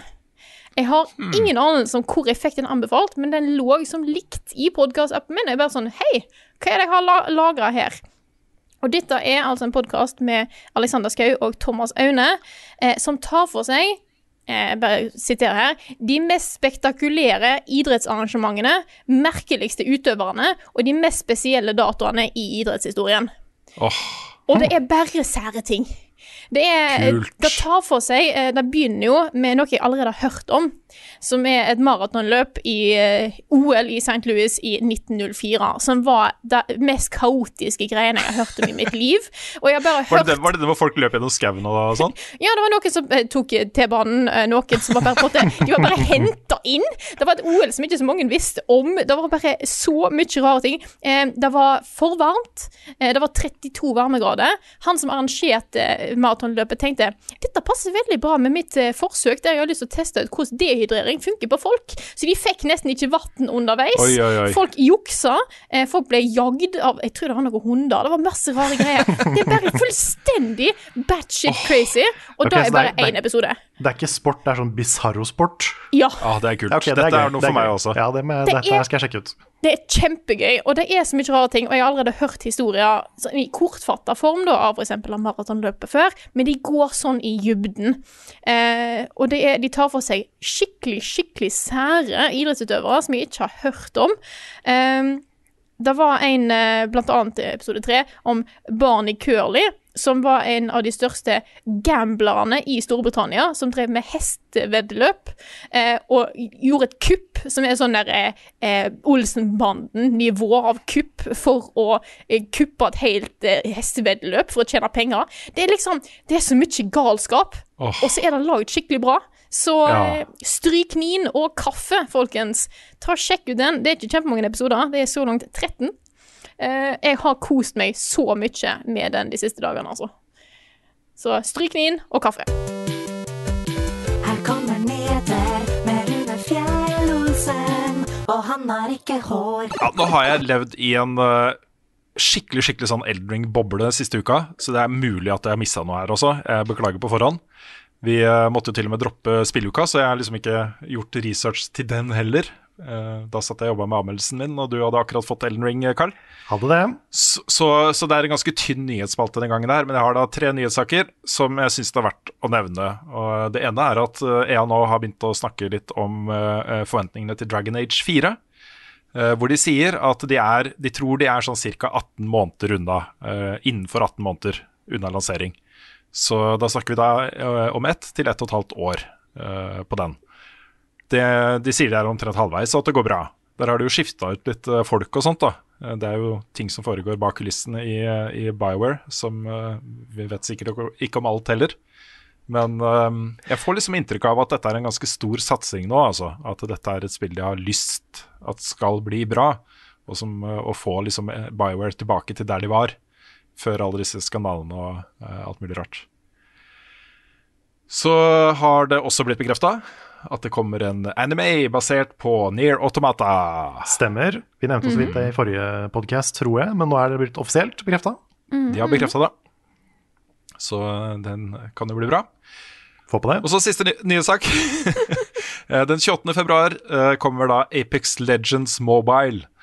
Eh, Ikke overalt. Eh, Det kommer både på Android og IOS, men det kommer da i ti land eh, som, som prøveperiode eh, på uviss lengde.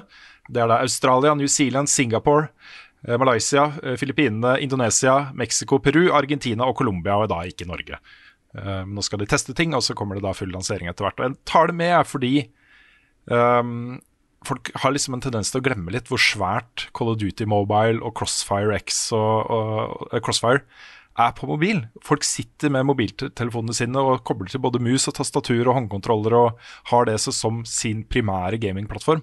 Det har blitt en bra eh, spillplattform også for denne typen spill som dette er nå. Så eh, det at Apex kommer inn der, tror jeg eh, kan røske opp i ting. Det er en, en bra greie. Jeg tror Fra før er jo både Valorant eh, og da Call of Duty også der, med forskjellige ting. Så eh, ja. Den tror jeg kommer til å bli godt tatt imot. Jeg må skyte inn en nyhet til. Ja, Street Fighter 6 er annonsert. ja, Ja. er det det? For jeg så bare at de telte ned til det som kanskje var annonseringa. Ja, det har kommet en bitte, bitte liten teaser-trailer Ja. som viser uh, Ryu. Han har blitt så brei at han, ja, fader. eh, han er i ferd med å gå på audition for Gears of War, tror jeg. Oi, oi, oi. Han har blitt så brei. Og Ja, han har blitt brei breiere for hvert spill, har han ikke det? Jo, ja, ja, Jo. det er sant. det. Hva sa du, Frida? Folk hater logoen. Ja, folk hater logoen, fordi Street Fighter-logoen er jo veldig sånn svære, bombastiske sånn comic book-logoer, ikke sant? Men Street Fighter 6-logoen er liksom bare en sånn en heksagon med SF inni, og så en liten sekser under. Så den er veldig low-key. Ligner veldig på sånn Adobe-logo, for til å snakke om at den er prikk lik en sånn uh, stokk Adobe-logo. Oh, ja. Men uh, den er, det er nok tilfeldig, det er akkurat det. da. For det, når du først lager et heksagon med en SF inni, så skal ikke, det, det er ikke så veldig avansert. Nei. Men det er jo bare at de i hvert fall har lagt en eh, Jeg liker jo heller at de legger inn masse uh, too much i, i karakterer, som Ryu, eh, for i logoen, da. Da må jeg jo innrømme.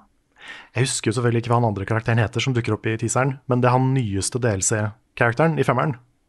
Han er også bekrefta til å være med. ja. Så de to er liksom confirmed, da.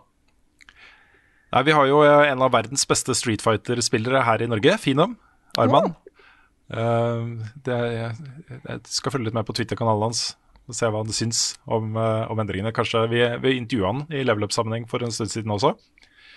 Eh, og han har virkelig virkelig hedda seg i toppen nå de siste årene. Så, um, så det er jo litt eh, ekstra gøy da med lanseringen av et nytt Street Fighter-spill. Når vi har en av verdens beste her i Norge. Det er sant. Ellers så kan jeg nevne at den visuelle stilen er jo litt annerledes. Fordi Street Fighter 5 var jo veldig sånn comic book-aktig. Mens her så virker det som det går for en ikke realistisk, men litt mer virkelighetsnær stil. Bare med veldig overdrevne proporsjoner. Så litt sånn mørkere, litt mer shading. Litt mer sånn. Så spennende å se om det funker. Jeg må jo, jeg må jo spørre, da. Eh, hvis Ryu nå har blitt så eh, så stor nå Hvis Ryu hadde vært med i Smash, og Kirby hadde prøvd å spise han, hadde Kirby da gått eh, Big Mouth? Ryu er med i Smash. Ja, ja men er så wide? Uh, Ja, Wide Ryu, ja. ja ja, kanskje, mm, kanskje det hadde blitt sånn bil, bare at det er kroppen til Ryu isteden. Ja. Ja. Ja. Kanskje det er neste Smash. ja, kanskje det. Ryubi.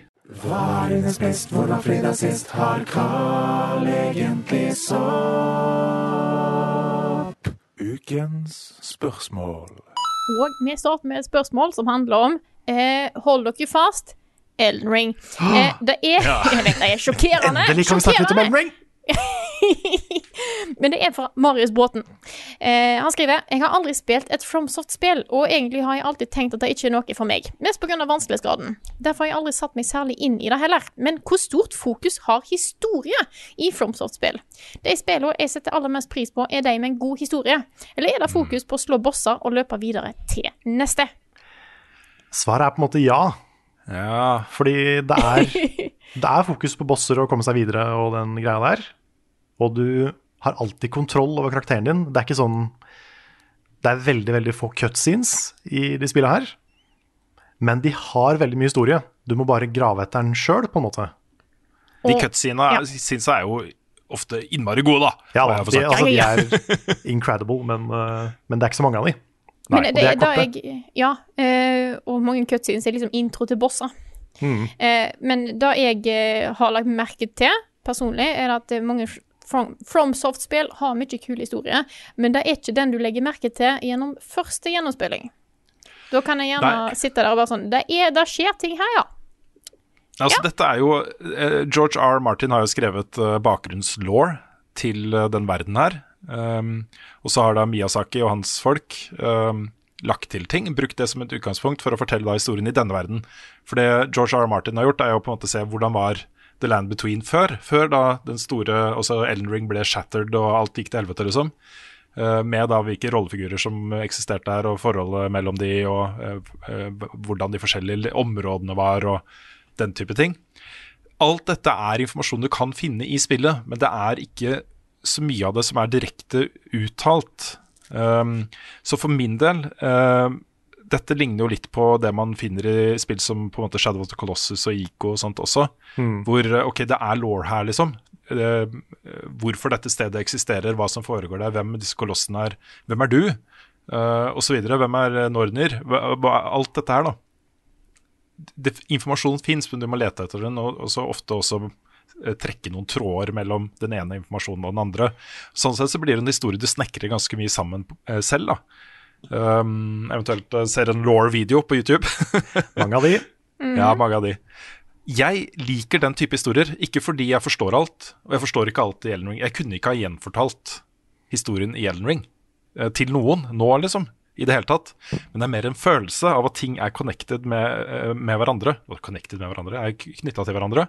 At det er, har sammenhenger, at folk har relasjoner, at det har foregått ting her før. Eh, eh, det er grudges, det er fiendeforhold, kjærlighetsforhold osv. Ting en følelse da, mer enn en sånn konkret historie. Så skjedde det, så skjedde det, så, så skjedde det. Så jeg setter veldig pris på den. Den er med på å gi en kontekst til opplevelsene som, som er veldig god, da.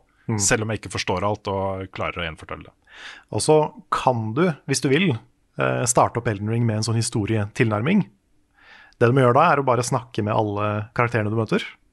For det første. eh, Snakke med de flere ganger for å få liksom mest mulig informasjon. Og også når du får nye items, så gå inn i inventaret ditt og så se hva det står om de. Fordi- Særlig hvis det er en item du finner dypt inne i en dungeon eller en borg eller et slott. Ja. Inni det innerste rommet etter en vanskelig boss. Hvis det er en item der, les beskrivelsen på den. Eller eh, liksom et sverd eller en rustning eller Ja. sånn, for da får du ofte en del sånn flavortekst om universet. Og du, kan, du kan sette sammen ganske mye bakgrunnshistorie ved å lese det. Så det er en historie du må liksom finne litt sjøl, men den er der som et bakteppe hele veien. Og det, er, det, det skaper en veldig sånn levende, spennende verden. Så hvis du setter pris på det Det er jo samme greiene i Hollow Night, f.eks. Samme greiene i til en viss grad kanskje Portal, selv om det er mye mer dialog i Portal. Så er det også en sånn verden du Du blir ikke avbrutt av cutscenes, du blir ikke liksom fortalt masse law. Du må bare liksom utforske og finne ut hva som skjer. Det er litt sånn det er her òg. Men jeg, Ja, jeg ikke hvis tror- du forventer et, eh, på en måte, en historie som han er i Breath of the Wild, Skyrim, eh, Assassin's Creed eller Horizon, Horizon. så er det ikke det du får her. Nei, nei ikke i det hele tatt. Mm. Men det er grunnen til at jeg er så glad i det, da, og jeg kan ikke si at jeg er soleklart foretrekker det ene kontra det andre. Jeg liker en god, godt fortalt historie også. Eh, Men grunnen til at jeg syns det funker i åpen verdensspill, er rett og slett fordi det ligger nærmere hvordan det ville vært da, i virkeligheten. Også hvis du kommer til en verden, en faktisk fysisk verden, og reiser rundt for å finne ut hva som har skjedd der, så må du snakke med folk da, og sette sammen den informasjonen du får på egen hånd. Altså det er, eh, handler mer om å være til stede i en verden enn å få bli fortalt en historie. Så det, jeg syns det øker innlevelsen. Da. Ja. Da tror jeg vi skal gå videre til neste spørsmål. Rune, vær så god. Ja, jeg kan ta et fra Det, det blir litt flere Elden Ring-spørsmål også. Det lager fint.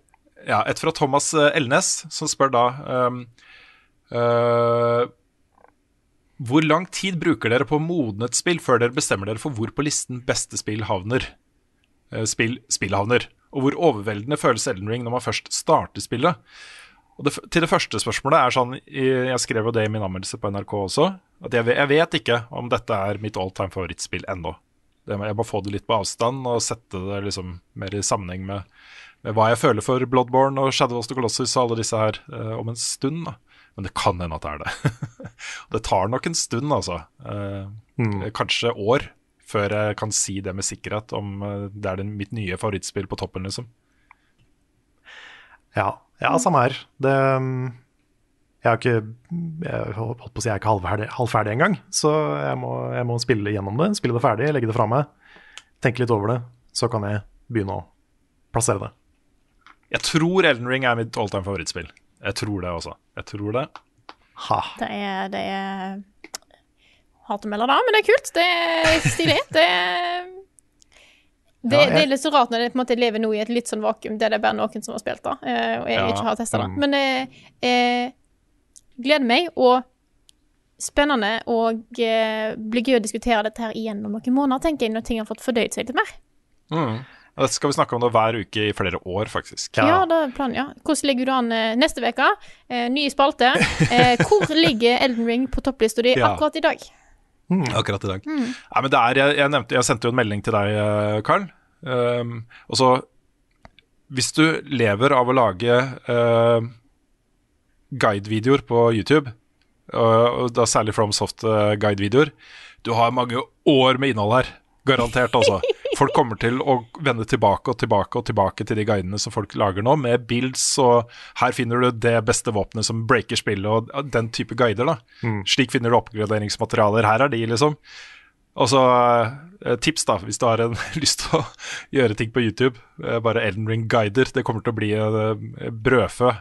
Eh, mange mennesker de neste årene, garantert. Det er fare for det. Inkludert vår kanal. Vi blir en ren Elden Ring-kanal fra Ja. ja. mm. Ja. Nei, Ja. Elden Ring-kanal. Ring sånn. Jeg kunne godt tenke meg å bare bli, bli en profesjonell Elden Ring-spiller. Bare spille Elden Ring. Ja. Sånn singleplayer e-sport. Ja. Ja. Det andre spørsmålet til eh, Thomas var jo hvor overveldende føles Elden Ring når man først starter spillet. Og det er Vi spilte jo nettverkstesten i fjor høst. Eh, og det var, så akkurat den der følelsen av å komme ut av den kirka for første gang og se det første området brette seg ut, og du kan se ting i horisonten og sånt, den har vi allerede hatt. Men den er sterk, altså. Ja. Men jeg er litt lei meg for at jeg spilte nettverkstesten. For det hadde vært så kult å få den der eh, overveldende følelsen i hovedspillet. Ja. Og den første, den første dagen min med, med Elden Ring, så gjorde jeg en del av de tinga på nytt. Bare for å på en måte få, få det unnagjort. Og det var litt sånn Det var ikke kjipt, for det er fortsatt dritgøy, men, men det var noe med liksom dette har jeg gjort allerede. Litt, ned, Ja, litt nedtur, men så gjorde jeg nye ting, og da var det jo det beste i verden igjen. Ja, men er, hvis du var en av de da som spilte nettverkstesten, ehm, så vil du huske at det var en sånn eh, usynlig vegg rundt det området. Du får ikke lov til å gå forbi den veggen. Bare den følelsen å ri forbi det punktet hvor jeg visste at her sto den veggen før. Jeg kunne se hva som var på andre siden, men jeg kunne ikke gå dit. Det var et sånt moment for meg, da. Mm. Så ja. Gleder meg til å spille dette her. Yes. Eh, Carl, har du et spørsmål på lager? Ja, skal vi se. Her er et spørsmål her fra Christian Larsen. Han spør hva er skjebnen til Svendsen nå som dere blir kjøpt opp? Skal han fortsette i level up som anmelder, eller blir det bare til hyggelige og vennskapelige besøk i streams og lignende? Det kommer ikke til å forandre seg. Så Nei, det kommer kanskje til og med å bli mer, Svendsen. Ja, kanskje det. Jeg kan ikke love det helt 100% sikkert. Men uh, det er uh, Også Svendsen trenger jo noe å gjøre. og vi uh, trenger jo folk. Så det Det kan sant. tenkes at vi vil få se mye mer av Svendsen eh, framover. Ikke bare trenger vi folk, vi trenger Svendsen. Vi trenger Ja, Svendsen. Det har vært veldig stas Ja, å få mer, mer Svendsen inn i redaksjonen. Men det er jo det er en ting som jeg ikke vil at folk skal være redde for. At eh, redaksjonen på en måte mister noen av det som skjer med Good Game. Fordi det er ikke sånn det funker. Det er uh, Nei. Svendsen og Lars og andre som har bidratt med ting til level up, har gjort det de har kunnet og hatt lyst til hele veien. Og sånn er det fortsatt. Ja. Uten tvil. Da tar jeg og fortsetter med et spørsmål her. Det er fra Didrik Asmyr, som skriver Hei, jeg har en nevø på tolv som ønsker seg Discord-bruker. Vennene hans bruker det, og det er enkelte spill han ikke får spilt sammen med de andre når han ikke har Discord. Personlig syns jeg Discord virker veldig åpent, og det meste vil være tilgjengelig. Det virker derfor vanskelig å vite hva han kan eksponeres for av personer og innhold. Han syns selvfølgelig vi er megateite, som ikke bare lar han styre på som han sjøl vil. Hva er deres tanker og eventuelle råd angående barn og Discord? Fins det f.eks. noen form for foreldrekontroll? Lurer kanskje spesielt på dine råd, Rune, da du sjøl har barn i spillverden. Ja. Uh, nå skal jeg bare se om det er noen privacy and safety. Skal vi se. Discord er jo veldig åpent, men jeg kan godt forstå at det kan bli litt problematisk. Eh, Discord er jo en veldig grei måte å snakke med folk på. Eh, men jeg skjønner òg den eh, skepsisen for å bare kaste unger ut i, ut i det, for det er mye som er tilgjengelig, ja. Ja, det som er det store, det store problemet her altså, uh, Dette er jo en tolvåring. Når du er tolv, så begynner du å bli ganske avansert bruker på internett mm. uh, uh, nå. Altså, du, du, du, har, du vet hva internett er, og du spiller online med vennene dine, og det er mye som foregår. Mye av livet ditt foregår på nett, da, eh, med venner. Og eh, mine barn er jo litt yngre, men eh, jeg har jo måttet sette meg skikkelig inn i eh, hvordan man kan gjøre nettopplevelsen deres så trygg som mulig. Og en av de tingene som jeg har hatt st størst problem med, er den type åpne chattetjenester som Discord. hvor det skal ikke så mye til også før man havner uh, for invitasjon til server. Klikker på join, og så er det hakekors og alt mulig rart, liksom. Det er ikke, jeg er ikke komfortabel med å slippe det helt fri på internett eh, på ingen som helst måte ennå. Det fins i Discord eh, en del sånn privacy settings som eh, styrer hvem som kan sende deg melding, hvem som kan invitere deg til servere osv. Eh, så hvis du eh, er veldig på og gjør en veldig god avtale med tolvåringen din på hva, hva den får lov til å gjøre på Discord, så skal det være mulig å få det til.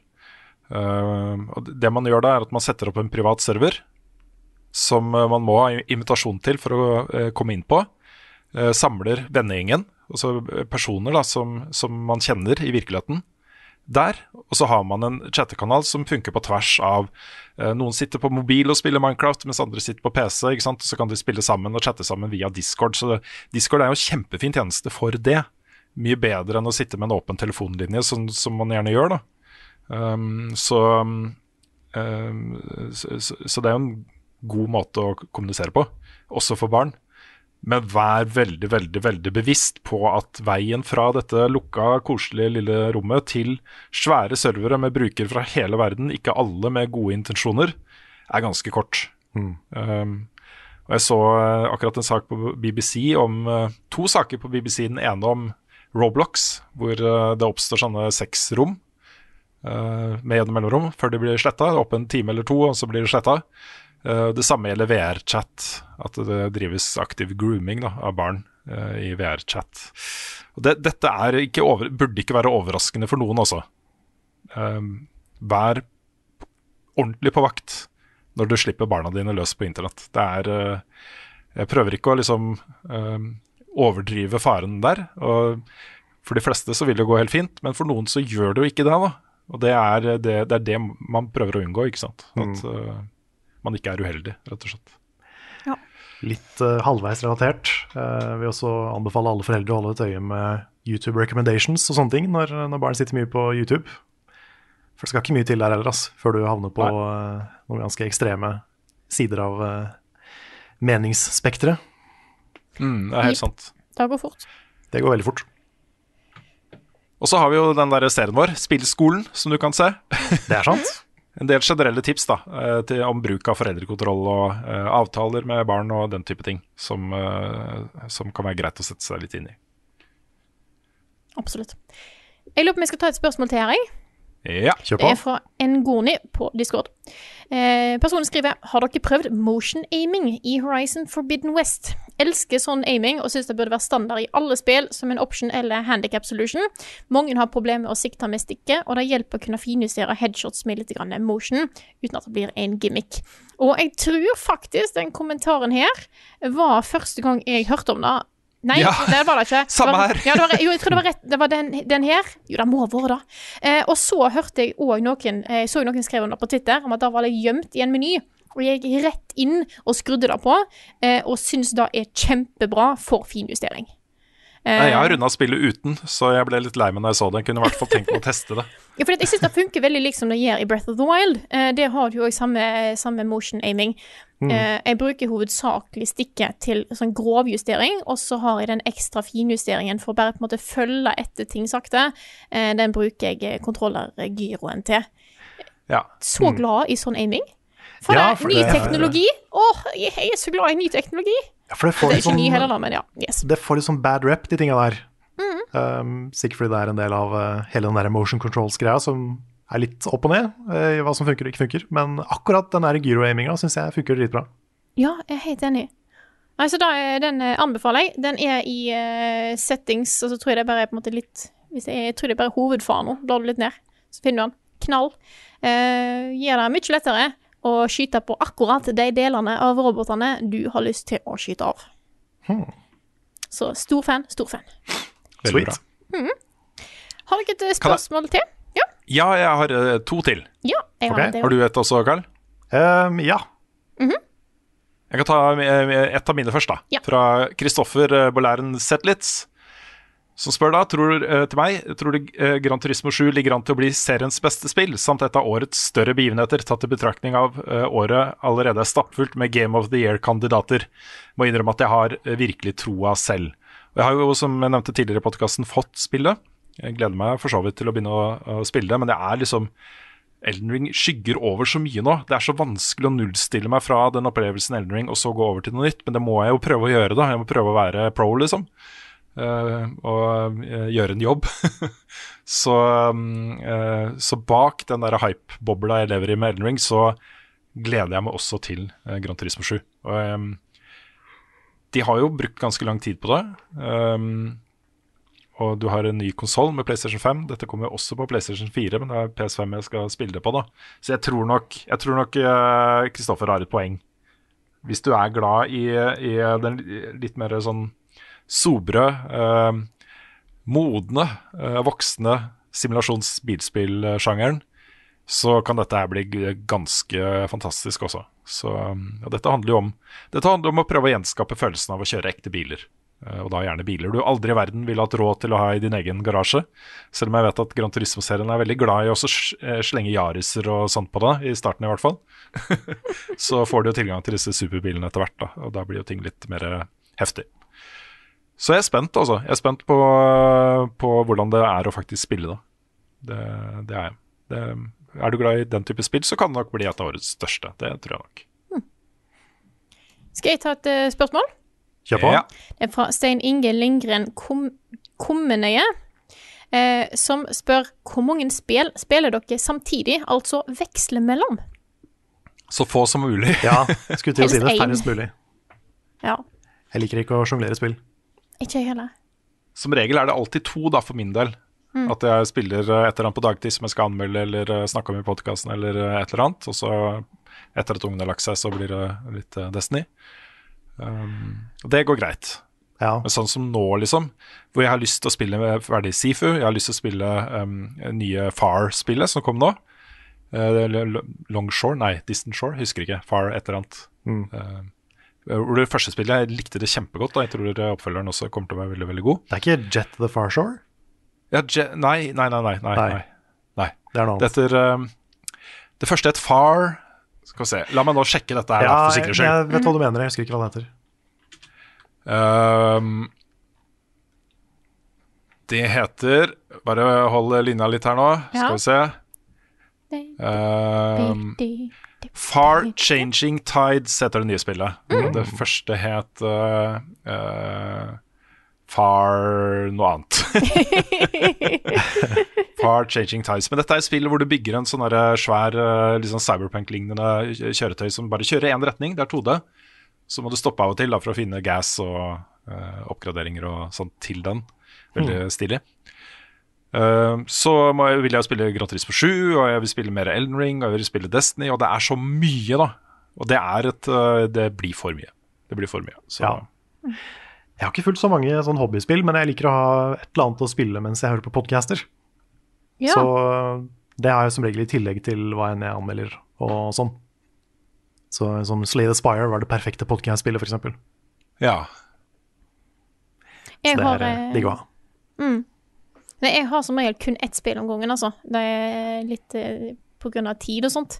Eh, men jeg pleier jo heller da å kanskje i pauser mellom anmelderspill, så tar jeg de eh, privatspillene. Mm. Så det er sånn jeg eh, sjonglerer, da. Ja. Yeah. Skal jeg ha et eh, spørsmål? Yep. ja. Det er fra Kjell Sundhaugen. Jeg er litt nysgjerrig på hva redaksjonen mener om Elden Ring. Kult om de kan prate litt om det. Det kan, det kan vi gjøre, vet du. Hvis det er meg, da. ja la oss Time tre. Yes. Men jeg har et uh, spørsmål til. Jeg bare driver og ståler litt. Skal Ja, vi se Just a sec. Jeg, eh, det var et bra spørsmål. Eh, jeg lo godt da jeg så det. Ja, Veldig bra spørsmål. Veldig bra Ja. Spørsmålet er fra Mhm. Sin4. Så dette er ukens Sin4. Mhm. Dagens spørsmål må da bli hvor mange spill som omhandler ringer, kommer dere på i farta? Da kan jeg Sonic begynne med å si Sonic and the Secret Rings. Sonic and the Secret Rings. Alle mm. Lord of the Rings-spilla. Ja. Ja. Ring Fit Adventure. Ring Fit, ja. Jeg har aldri datt av, jeg. Castle of Illusion Starring Mickey Mouse. Nei! Og så er det ikke også et spill om eh, ringeren i Notre-Dame? Jo, kanskje. Det fins vel noen ringeren i Notre-Dame-spill. Mm. Det vi fins sikkert et rockeringspill. Ja, Det var i hvert fall med i, i, i, i um, We Fit. ja det, er, det det? er sant. Det er sant. Kan vagt huske noe om det. Ja. Det er kanskje ikke et uh, Fins et Shang-Chi Legend of the Ten Rings-spill? Det gjør kanskje ikke det? Ikke ennå. Nei. Eh, vel, eh, ellers eh, kom jeg ikke på så mye ring. Nei, vi skulle, vi skulle forberedt oss litt bedre. Vent da, hvis jeg bare Games with ring in title. Ja, nå Google kan hjelpe oss. Google kan alltid hjelpe. Eternal Ring is a first person action role-playing game. Developed Hva? by From Software. Hæ? Eternal Ring? det er sant. From, Nei. FromSoft har lagd et spill som heter Eternal Ring Ja, da har de fana meg i 2000. i år 2000. ass. Nei! Hva er det vi lærer nå? Dette her er jo helt eh, Det var en launch-tittel fra PlayStation 2 i Japan og Nord-Amerika. Wow. Who the thunk? Who would thunk? Dette her er jo helt uh... Da fikk vi litt, uh, litt bonus-trivia til Ja. Sim4. dette, er, dette fascinerer meg. Dette fascinerer meg faktisk. Eh, hvorfor har ingen snakka om dette? Kanskje Elden Ring er en remake av Eternal Ring? Ja. Og her har jeg, et, uh, her har jeg en. Ok? Ja. WWF Smackdown, just bring it. Ja. Åh, Nei, Jeg tror ikke Ja. vi finner så mange flere spill på eh, stående fot, altså.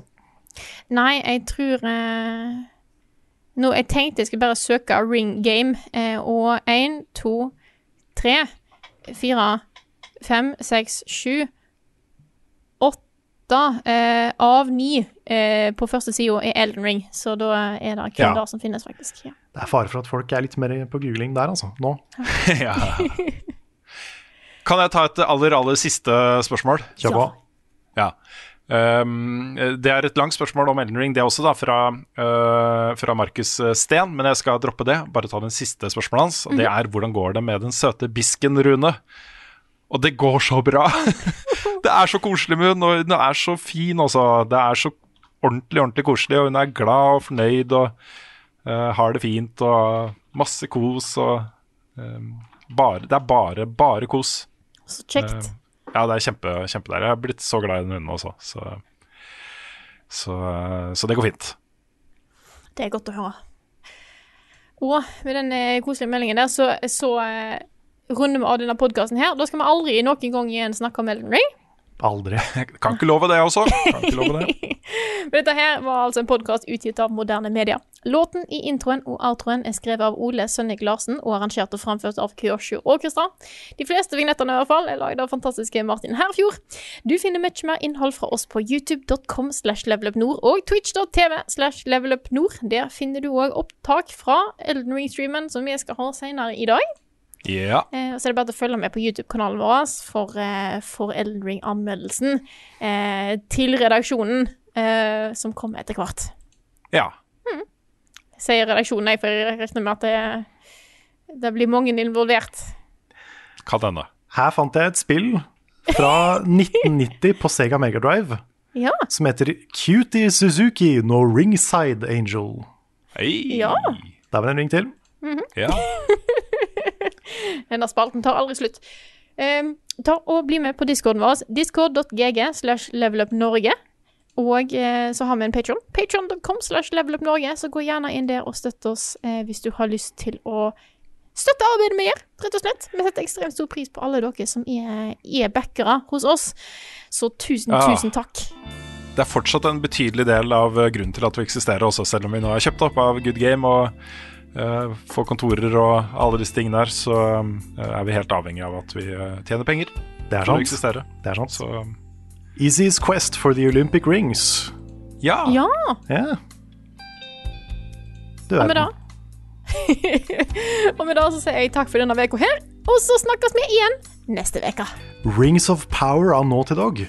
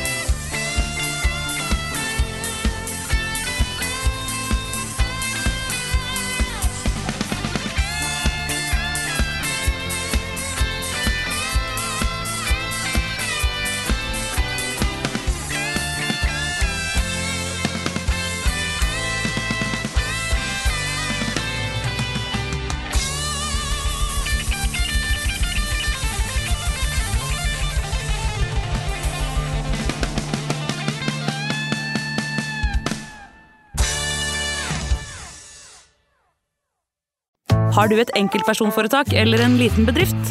Da er du sikkert lei av å høre meg snakke om hvor enkelt det er med kvitteringer og bilag i fiken, så vi eh, gir oss her, vi. Fordi vi liker enkelt. Fiken superenkelt regnskap.